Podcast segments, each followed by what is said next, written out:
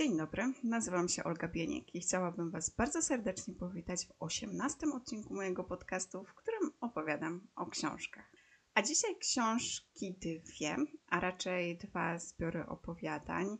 Te zbiory to Perły oraz Na obcej ziemi. Oba zostały napisane przez Izraela Joshua Zingera, e, przetłumaczone przez Krzysztofa Modelskiego oraz wydane nakładem wydawnictwa Fame Art Books and Music.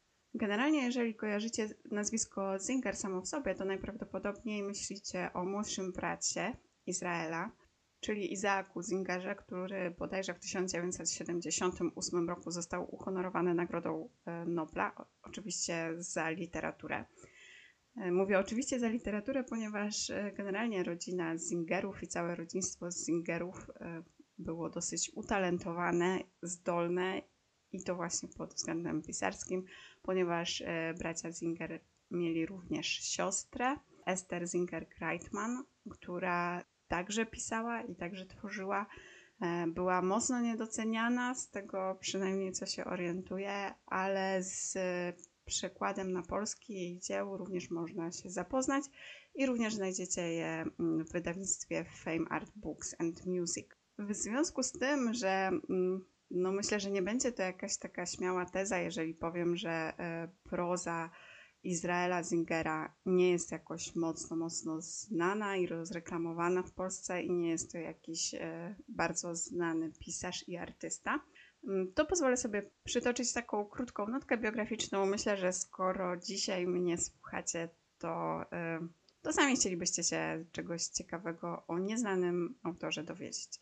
Izrael Joshua Zinger urodził się w 1893 roku w Biłgoraju, także na ziemiach polskich i w Polsce. E, oczywiście mm, nie jest to jakąś wielką tajemnicą, pewnie po imieniu i nazwisku się zorientowaliście, że był Żydem. Już od najmłodszych takich e, młodzieńczych, dwudziestoletnich lat był dosyć znaną postacią, twórczą, płodną, był publicystą, nowelistą, e, także też e, reporterem, gdzieś tam na łamach różnych gazet publikował swoje dzieła. E, jednak gdy przyszedł rok 1918, to nawiązał pewien romans z komunizmem i wyjechał do, na początku do Kijowa, a potem do Moskwy. E, jeżeli właśnie teraz myśląc o tym, że nawiązał ten romans z komunizmem, trochę się zrzymacie i myślicie, jak, tam, jak tak można, to postaram się go e, troszkę usprawiedliwić, ponieważ 1918 rok to przypominam historycznie e, jest dopiero początek tej idei, która się gdzieś tam na świecie i w Rosji zaczyna budzić, e, początek jakiejś tam rewolucji. No i tak sobie myślę, że dla takiego bardzo młodego człowieka, który bez wątpienia jest osobą inteligentną, wybitną, jestem sobie w stanie wyobrazić, że gdzieś tam w jego głowie te idee się ze sobą mieszają i e, gdzieś tam dużo myśli o życiu, o istnieniu. Widzi też istniejące nierówności społeczne, no i ten komunizm może się wydawać taką mm, ideą słuszną i piękną u swych podstaw. Także wyjechał do tego Kijowa i bardzo szybko stamtąd wrócił, ponieważ już w 1921 roku powrócił z powrotem do Warszawy, E, orientując się, że jednak nawet najpiękniejsza idea i wydająca mu się najpiękniejsza w rękach ludzi, mm, no niekoniecznie jest tym, co zamierzano i e, niekoniecznie jest taka piękna i bardzo tą rosyjską rewolucją wrócił rozczarowany. Po powrocie do Warszawy z Moskwy jeszcze przez ponad dekadę mieszka w Polsce, natomiast w 1933 roku wyjeżdża do e, Stanów Zjednoczonych, dokładnie do Nowego Jorku. Niestety umiera młodo i e, stanowczo przedwcześnie, bo już w 1944 roku. Poza tymi dwoma zbiorami opowiadań, o których dzisiaj będę mm, opowiadać, jak to się złożyło, mm, Izrael już Wazinger wydaje jeszcze e, trzy powieści. Wszystkie są wydane później niż powstały właśnie te opowiadania. Mm, niestety nie miałam okazji tych powieści czytać. Jeżeli mi się kiedyś uda, to y, na pewno Wam o nich opowiem. Natomiast można po nie sięgnąć, ponieważ wszystkie trzy zostały przetłumaczone na język polski.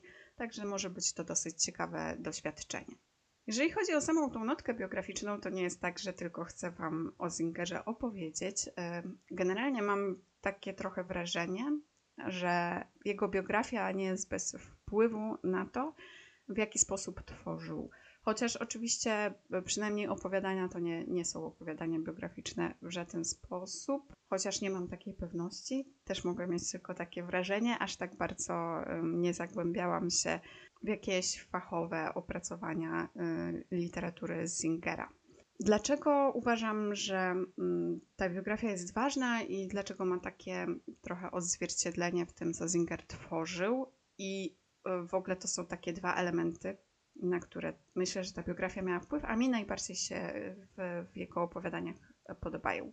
Po pierwsze, trzeba pamiętać, że jeżeli komunizm, i to jeszcze taki komunizm mocno ideowy, to równocześnie ateizm. Także mm, Zinger gdzieś tą swoją wiarę porzucił, mm, dzięki czemu mam wrażenie, że udało mu się spojrzeć na nią tak trochę obiektywnie i z boku. To nie znaczy, że w ogóle jakoś e, Zinger odcina się od swoich korzeni i to jakoś strasznie widać, tylko w jego literaturze pojawia się taki obiektywizm i wspaniale potrafi opisać taką codzienność e, na styku kultur, Chociaż myślę, że jeżeli pomyślimy sobie tam gdzieś o latach 1918-1924, bo w tych latach e, wszystkie jego opowiadania zebrane w tych dwóch zbiorach powstały, więc jeżeli e, mówimy o tych latach, to nawet trudno to nazwać stykiem kultur, ponieważ te kultury przenikały ze sobą i tak naprawdę to tutaj wszyscy mieszkali obok siebie na ziemiach polskich i myślę, że nie stanowiło to jakoś strasznie większego problemu. Chociaż e, jeżeli wczytamy i zagłębimy się w te opowiadania, to też jasno widać, no, że nie było takiej pełnej asymilacji i że zawsze byliśmy my i oni. No i mimo wszystko jednak to były różne kultury, więc tutaj trudno powiedzieć, czy one aż tak bardzo się ze sobą przenikały, czy jednak to był styk kultur na, na jednych i tych samych ziemiach. Ale właśnie to, co w tych opowiadaniach jest bardzo ciekawe, to to, że Zinger nie opowiada tylko i wyłącznie o Żydach, ale dotyka codzienności wszystkich różnych nacji i religii, które właśnie na e, tych ziemiach, o których pisał, mieszkały. To jest jedna rzecz. Druga rzecz to to, że wszystkie te opowiadania powstały w tych latach, w których powstały, czyli tak jakby na bieżąco opowiadały codzienność w latach 1918-1924 czyli przed Holokaustem i przed II wojną światową. I powiem szczerze, że próbowałam sobie przypomnieć, ale nie przychodzi mi do głowy żadna literatura żydowska, która e, powstałaby jeszcze przed e, Holokaustem, a którą bym czytała oczywiście, bo na pewno takiej literatury jest mnóstwo, ale e, no nie kojarzę, żebym taką literaturę czytała. I jest to dla mnie taka spora wartość, ponieważ mam wrażenie, że książki napisane o nawet tych latach przed II wojną światową, ale napisane w czasach współczesnych, czy napisane po II wojnie światowej, jednak mimo wszystko chyba nie do końca potrafią być tak w 100% obiektywne i e, no nie da się Holokaustu wymazać z głowy. Myślę, że e, to nikogo nie dziwi i może i dobrze, no bo to, to jest jedna z największych tragedii, jaka spotkała e, tą ziemię i największych zbrodni, które zostały popełnione, ale jednak dla mnie jakąś taką e, ogromną wewnętrzną wartość ma to, że to była literatura stworzona przez Żyda e, w czasach jemu współczesnych i jeszcze przed II wojną światową. Oczywiście może też to być taka moja bardzo subiektywna opinia, ponieważ ja nie przepadam za literaturą opowiadającą o Holokauście. Jeżeli już po coś sięgam, to raczej po dobre reportaże niż po powieści. Mam takie wrażenie, że często ten temat jest spłycany i że ciężko jest oddać um, rozmiar i wymiar tamtej tragedii.